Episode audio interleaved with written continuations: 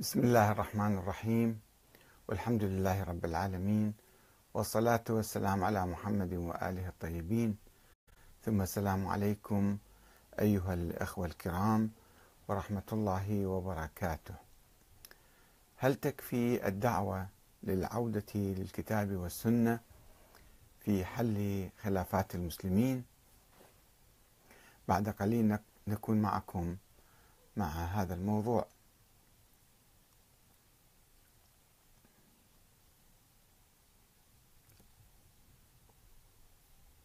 هل تكفي الدعوة للعودة للكتاب والسنة في حل خلافات المسلمين؟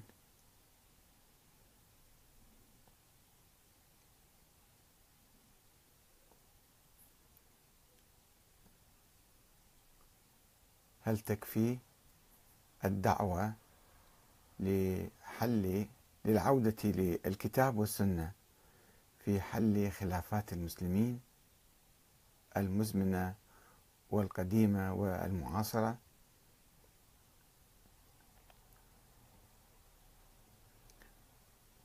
بعد قليل سنكون معكم مع هذا العنوان.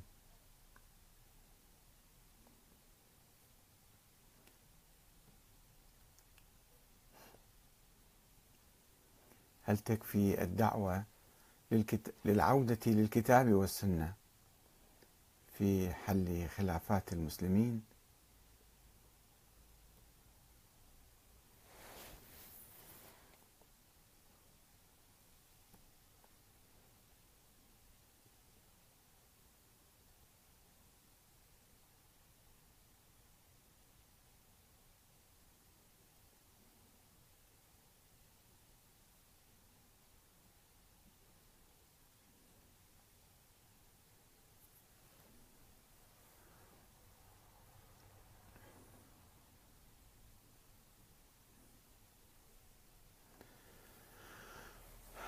هل تكفي الدعوة للعودة للكتاب والسنة في حل خلافات المسلمين؟ عندما يدعو الوهابيون إلى نبذ الطائفية والعودة للقرآن والسنة النبوية هل يستجيب الشيعة؟ ولماذا لا؟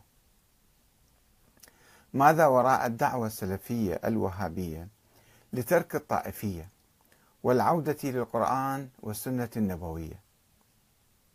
كيف نعود إلى القرآن الكريم؟ إذا كان السلفيون والسنة بصورة عامة يؤمنون بنسخ السنة للقرآن وهيمنة السنة على الكتاب. كيف نعود للسنة النبوية؟ إذا كانت مشحونة بالأحاديث الأموية المزورة والموضوعة والمصححة لديهم. كيف نترك نهج علي والحسين ونساويهم بمعاوية ويزيد. كيف يمكننا فهم القرآن الكريم والسنة النبوية بعيدا عن أهل البيت؟ آه، كتب الصديق العزيز والأخ الأستاذ غرم الخثعمي ما يلي. آه، تعالوا إلى كلمة سواء بيننا وبينكم ألا نعبد إلا الله ولا نشرك به شيئا. ولا يتخذ ولا يتخذ بعضنا بعضا أربابا من دون الله.